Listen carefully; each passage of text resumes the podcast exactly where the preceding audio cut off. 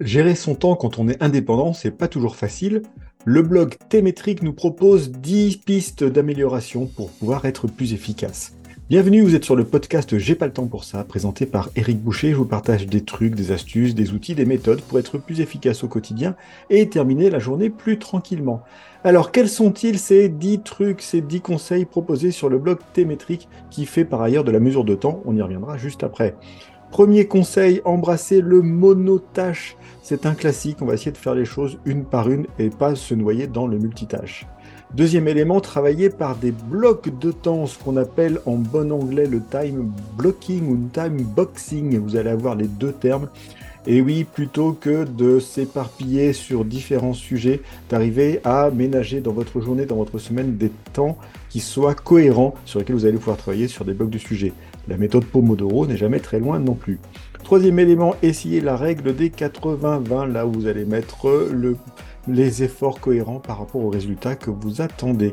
Quatrième qui est très important, effectivement, ou quel que soit l'endroit où on travaille, mais encore plus quand on est à domicile, utiliser des équipements ergonomiques. Paradoxalement, quand on est au bureau, c'est quelque chose que l'on attend et on n'y pense pas forcément quand on est en télétravail.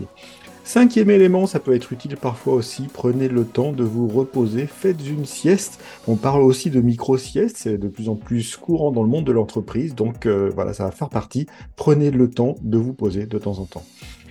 Et vous, un mantra personnel numéro 6, c'est une des possibilités. Je vais y arriver, j'avance, je suis efficace, quelle que soit la phrase qui va correspondre à le moyen de vous motiver, trouver quelque chose qui va fonctionner. Septième élément, c'est en partie. Vous pouvez aussi faire de la méditation pleine conscience, soit via des cours euh, sur lesquels vous permettra d'aller aussi à l'extérieur, ou avec des applications. Il y en a un certain nombre qui existent en français, en anglais, qui vont vous permettre de suivre cela. Euh, huitième élément, vous l'avez sans doute déjà entendu de ma bouche quand on parle notamment bah, de méthode d'organisation, GTD, productivité parfaite, ou suivez la règle des 5 minutes. Si ça prend moins de 5 minutes, faites-le. Et dans un autre épisode de ce podcast, vous retrouverez d'autres lectures de cette règle de ces 5 minutes. Neuvième, prenez du temps de repos. Là, on n'est plus sur la pause, mais ça peut être bah, déjà mi-week-end. Par exemple, de pouvoir décrocher par moment, de ne pas être tout le temps dans votre activité et de vous autoriser des temps où vous êtes ailleurs.